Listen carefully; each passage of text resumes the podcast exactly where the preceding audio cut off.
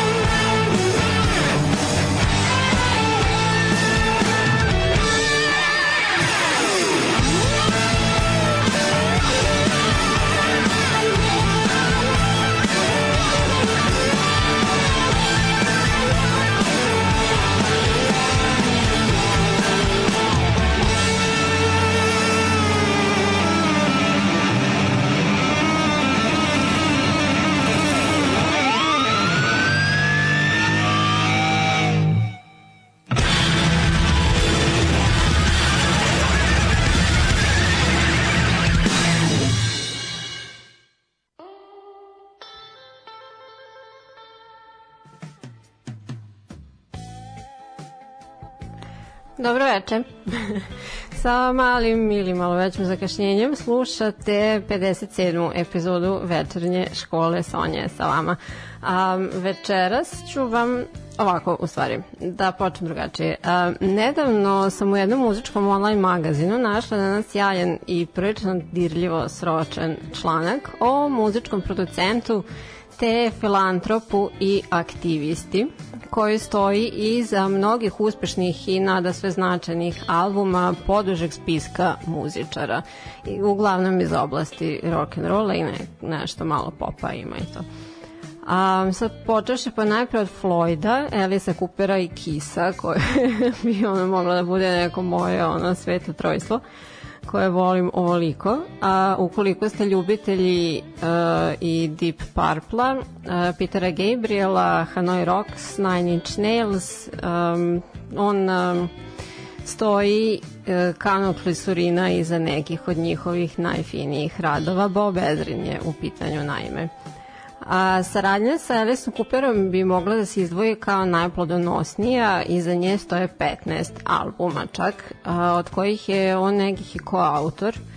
A saradnja sa Floydima se možda ističe po važnosti, budući da je Bob Ezrin dobrano odgovoran za nastanak remek dela The Wall. E sad, o svemu tome ću vam detaljnije pričati u nastavku, a ovo na početku što smo čuli uh, su Stjepan Hauser i Luka Šulić, poznati kao Tu Čelos, i njihova verzija uh, ACDC sa drugog im albuma iz 2012. Uživajte!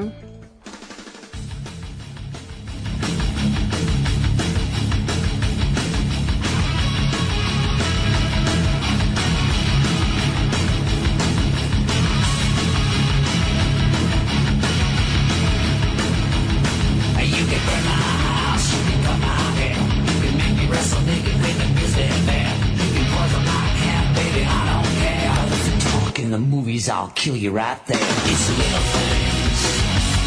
It's just the little things. Oh, it's the little things. It's just the little things.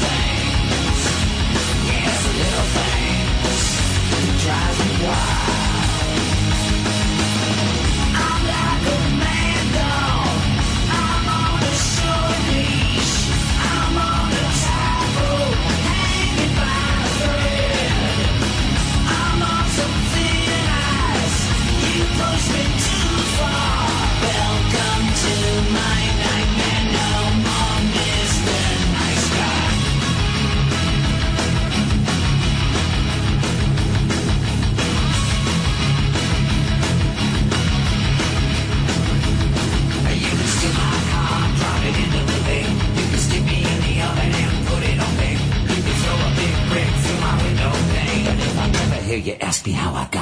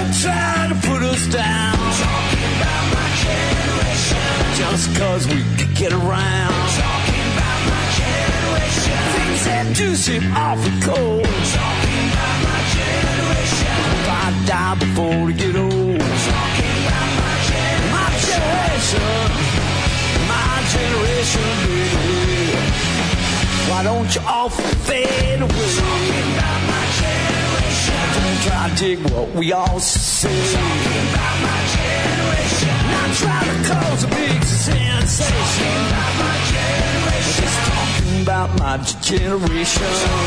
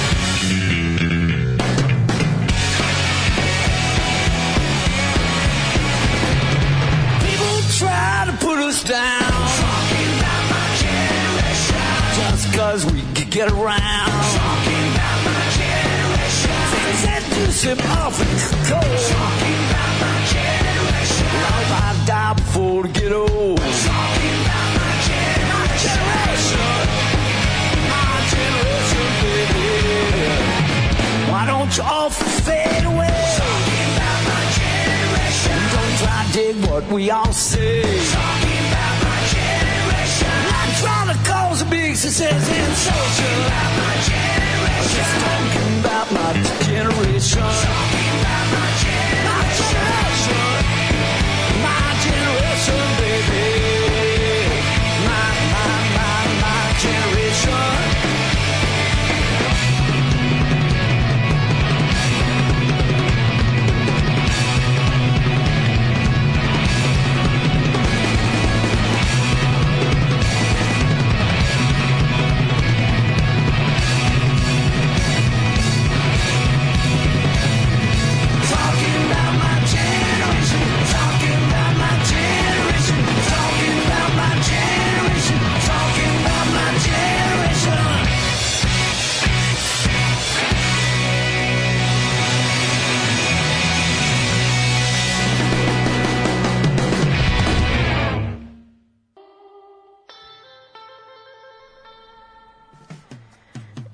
Ovako, na početku smo čuli Elisa Coopera, o kom sam vam već govorila x, x puta, verovatno ću još toliko, ono, pošto se zaista provlači ono kroz širok dijapazan tema, a posebno taj početak je meni nekako značajan srcu.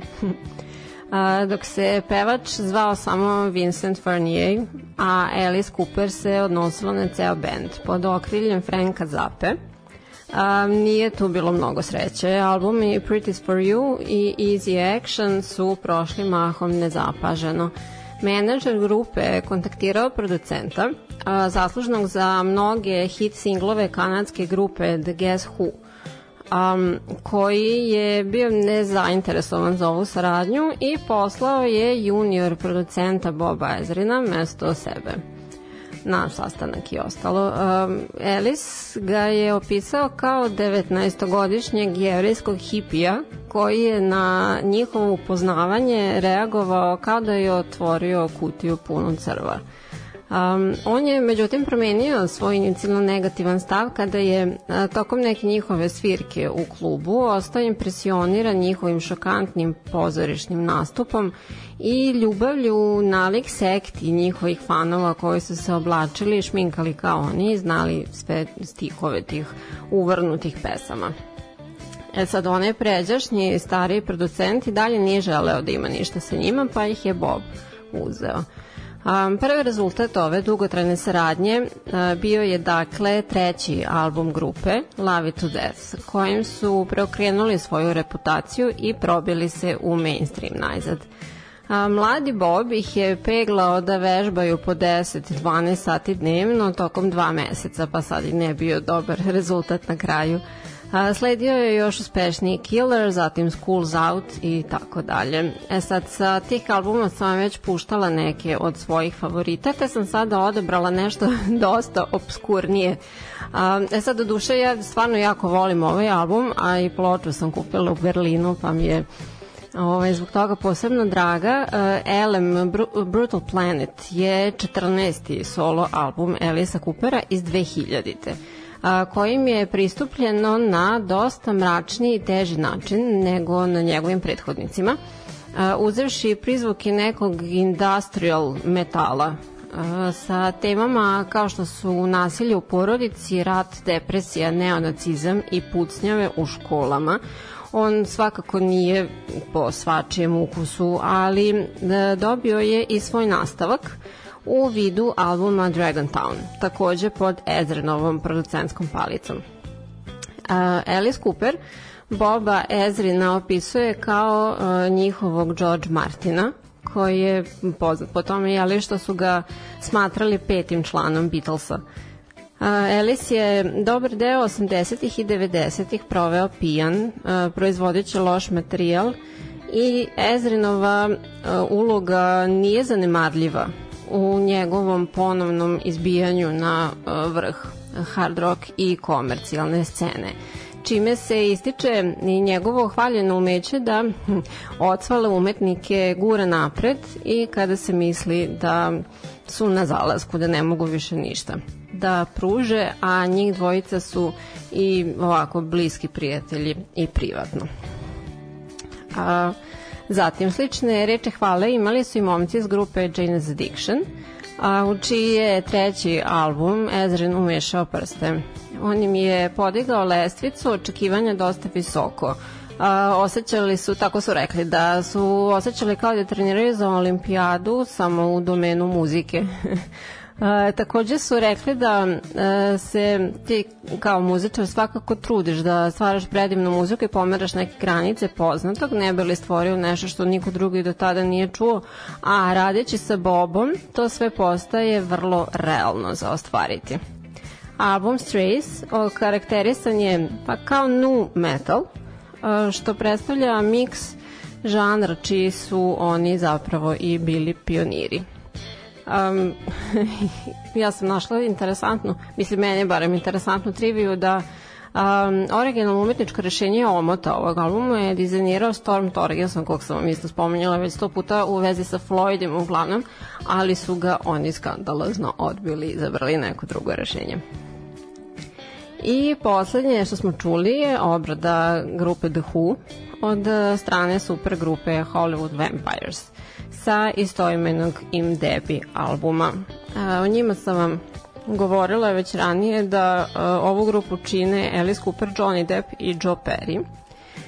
Ona je nastala, to je naziv ove grupe je nastao na konto Celebrity Drinking kluba koji je Cooper osnovao 70-ih u jeku tog svog alkoholizma.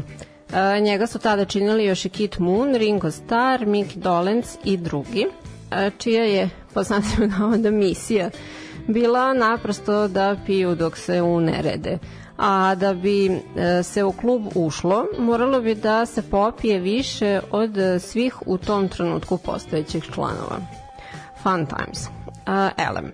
Ova grupa osnovana je 2015. Tada je objavljen album na kom se ističe i to što on sadrži poslednji audio snimak Kristofera Lija, koji je u pesmi uh, The Last Vampire čitao jedan odlomak iz Drakule.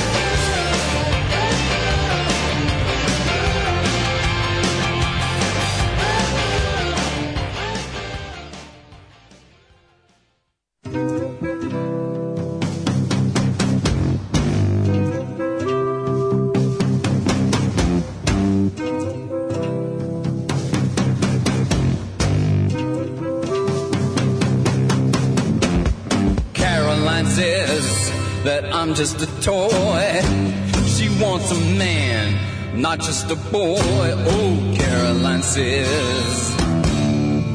Ooh, Caroline says. Caroline says she can't help but be mean or cruel or oh so it seems. Oh, Caroline says. Caroline says. She says she doesn't want a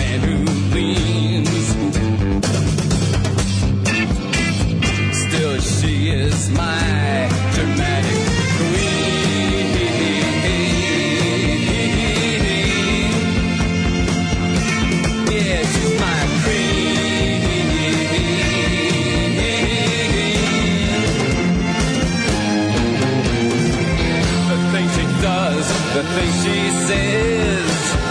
People shouldn't treat others that way. But at first, I thought I could take it all. Just like poison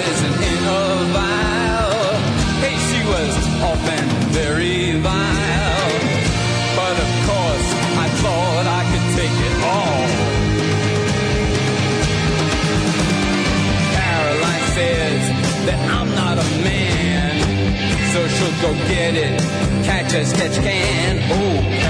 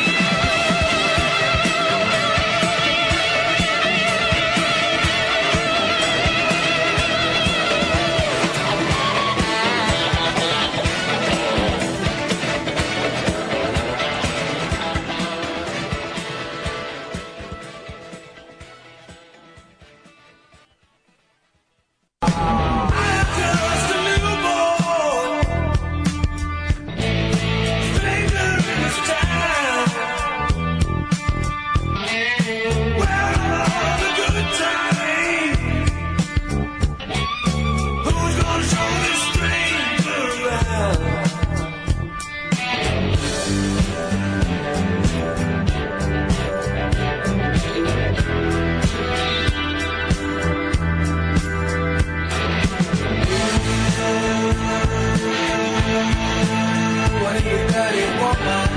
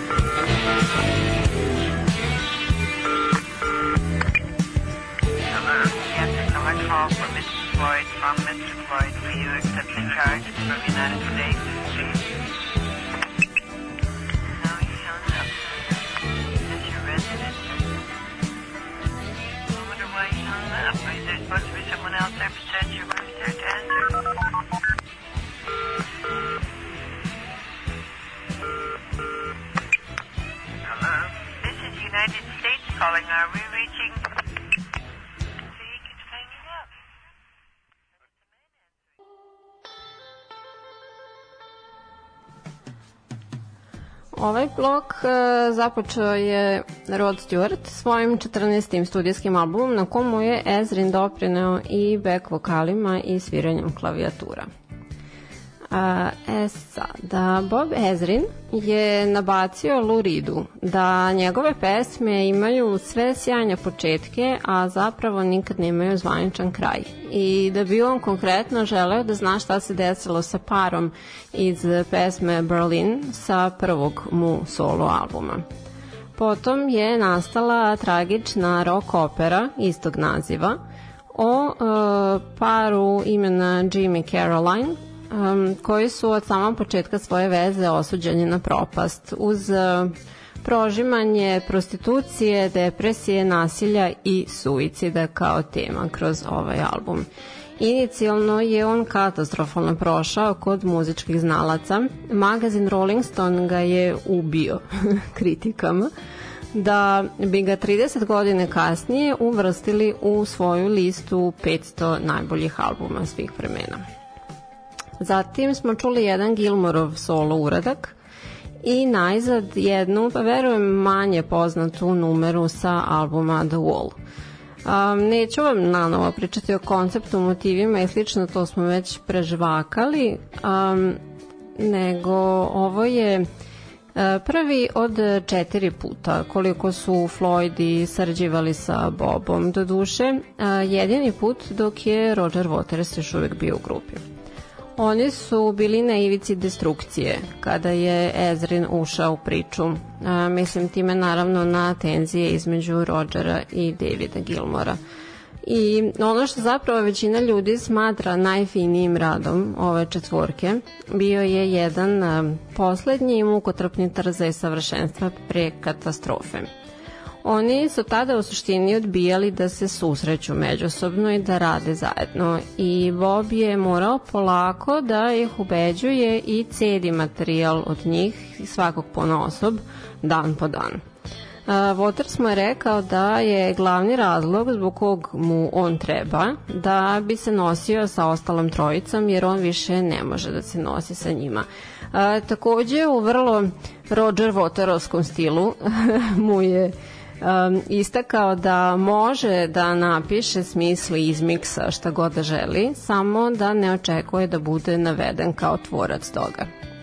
A, te je Ezrin svako večer krišom nosio trake napravljene tog dana sa sobom kući kako bi sprečio da ih izdavačka kuća grupe konfiskuje jer su u tom periodu imali velikih nesuglasica sa njima oko poreza, tantijema, materijala i sličnog. Nešto za šta je kasnije rekao da ne može da veruje da je to radio, ali u tom momentu mu se to činilo kao jedino rešenje. Uh, ono što je neverovatno je to što je Bob postigao da ubedi ove ljude koji su se istinski mrzeli da se spoje poslednji put i kreiraju nešto nada sve magično jer mislim ako se ciljeno malo udubite The Wall to zapravo i jeste.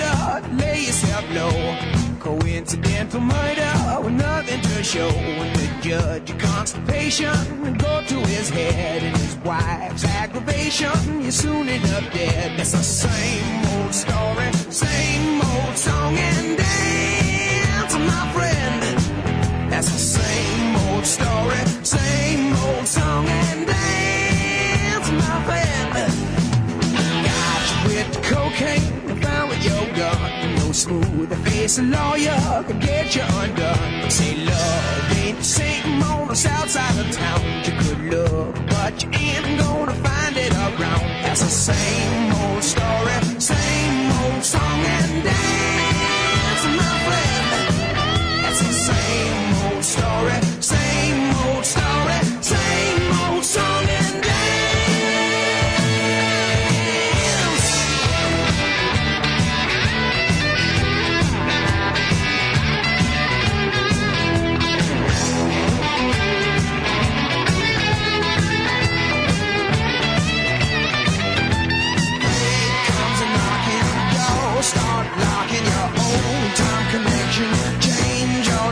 Revolution.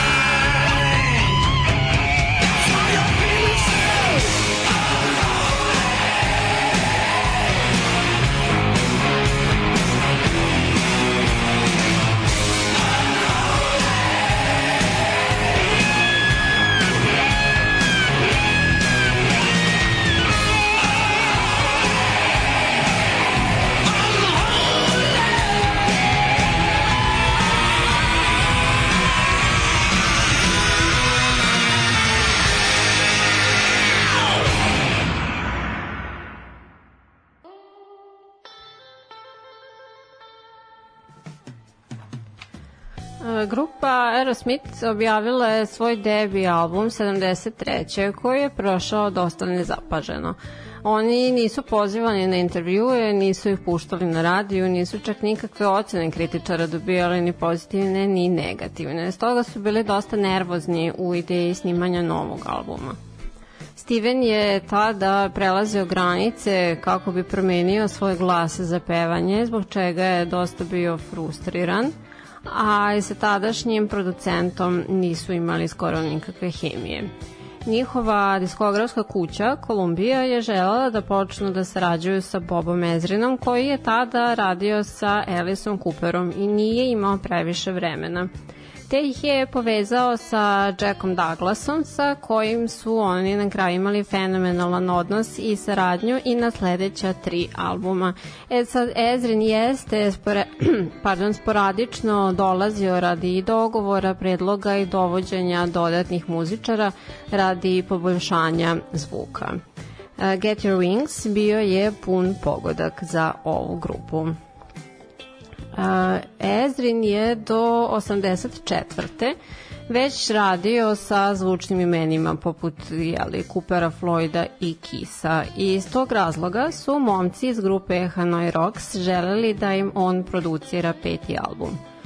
On je odlučio da bi album trebalo da ima neku mračniju atmosferu i teže, to jest isto mračnije gitarske zvuke od svojih prethodnika ali da istovremeno zadrži melodičan manir, znajući da će se u Sjedinjim američkim državama hard rock stil dosta bolje prodavati. On je takođe koautor većine pesama sa ovog ostvarenja. Na njemu se nalaze neki od najvećih hitova ove grupe, a spot za pesmu Up Around the Band – koja inače u originalu pripada grupi Creedence Clearwater Revival, a omiljena je pesma Michaela Monroe i Nasty Suicide. Um, dakle, spot za ovu pesmu je do danas jedan od najskupljih. S tim što ja kad sam tela da ga pogledam, na YouTube-u nisam uspela da ga pronađem, tako da ne znam ove, kako izgleda zapravo. A, u numeri Underwater World stoji stih Welcome to the Jungle koji je inspirisao dugogodišnjeg vernog fana grupe Excela da napiše istoimenu pesmu za svoju grupu. Um, ovaj sastav Hanoi Rocks je postojao originalno od 79. do 85. Tokom svoje prve turneje po Americi dosta su se združili sa momcima iz grupe Motley Crue i jednom prilikom su se okupili na žurci u kući kod Vinsa Nila, pevača Montlija. Kada im je nestalo cuge, Vince i Rezel, bubnjar Hanoi Rocksa, pjani, su seli u auto i pošli po dopunu. U povratku su se zabili u drugi auto i Rezel je umro na mestu. Ostatak turneje je otkazan, osim dva koncerta u Helsinkiju koji su održali kao pomen njemu i Michael je potom raspustio band u jeku uspona. On i Andy McCoy su 2000-ih napravili neku drugu inkarnaciju grupe koja je trajala tokom te dekade i to je bilo to. I uh, prošle nedelje, jeli, sam vam pričala o grupi Kiss, kada sam zapravo i dobila ideju da um, jednu epizodu posvetim Ezrinu. On je sa njim radio u četiri navrata. Uh, album Revenge, sa kong smo čuli Unholy, inače meni omiljen njihov album. A njemu je uh, prethodilo sledeće. Uh, godine 76 Oni su uživali u uspehu albuma Alive. To je bio live album kojim su se nazad probili. I tražili su producenta koji bi im pomogao da ispeglaju zvuk i u studiju. E, takođe, bili su siti toga da ih se u krugovima muzičkih znalaca ne shvata ozbiljno i želeli su da se etabliraju u legitimnim rock and roll krugovima. Bob se suočio sa mnogim stramputicama producirajući prvi album u okviru ove saradnje. Destroyer je bio u pitanju. Najpre oni nisu bili niti školovani, niti nešto pretarano uvežbani muzičari. Nijedan od njih, na primjer, nije znao da čita muziku, niti ih se to previše ticalo, veći fokus su imali na žurčenje i večernje druženja sa damama. Tako da je Bob u jednom momentu morao da stopira sva snimanja kako bi im dao lekcije iz osnovne teorije muzike. E, tu se dakle suočio sa potpunim odsustvom discipline, zbog čega je na kraju on nosio pištalj koko vrata i okupljao članove uz povike Campers we're going to work. Stanley je kasnije ovo iskustvo opisao kao odlazak u muzički bootcamp – iz kog su do duše izašli mnogo pametniji. A Simons je rekao da je to bilo tačno ono što im je u tom momentu trebalo. Rezultat ovog bootcampa bio je uh, masivan kritički i komercijalni uspeh. Pet godina kasnije radili su na nečemu sasvim bizarnom. To je soundtrack album za e, fantastičan film koji nikada nije snimljen, ali su oni ipak rešili da snime album The Elder, e, koji je preplavljen simfonijskim orkestrima, horom, falsetom i tako dalje. I to je jedini njihov album koji nije dostigao status gold. Ali 40 godina kasnije fanovima najzad postaje malo jasniji i dosta draži nego na početku kada su ga odbacili potpuno. I finalni uput, uh, uplit Boba Ezrina u Key Story je dakle Revenge, jedan od najtežih albuma ovog benda. Nastao je u jeku cvetanja grunge scene 92. Oni su u tom periodu ostali bez eh, dragog bubnjara Erika, ali Bob je nanovo uspeo tome da ono što najbolje ume da stabilizuje taj nemirni brod i naveo ga ka mnogo mirnim vodama. Revenge je jedan od njihovih najpovezanijih albuma sa konstantnim i fantastičnim performansama svakog od njih. E sad, mislim, u vezi sa njim samim nemam šta posebno da vam izdvojim.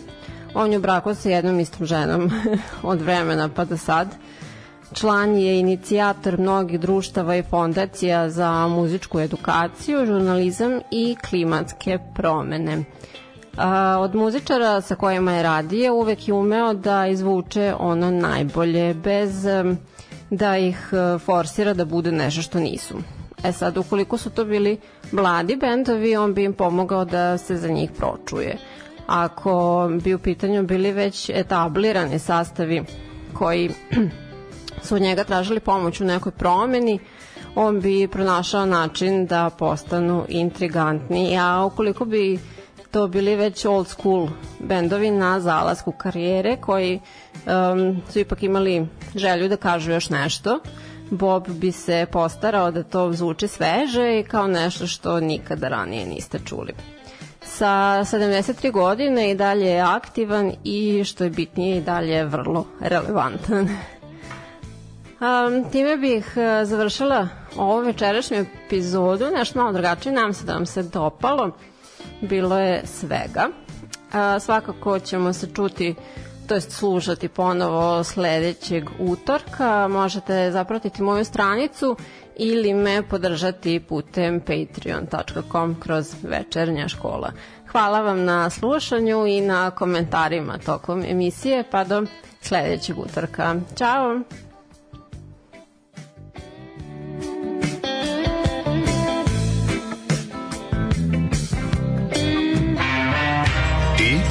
Večernju školu slušaš?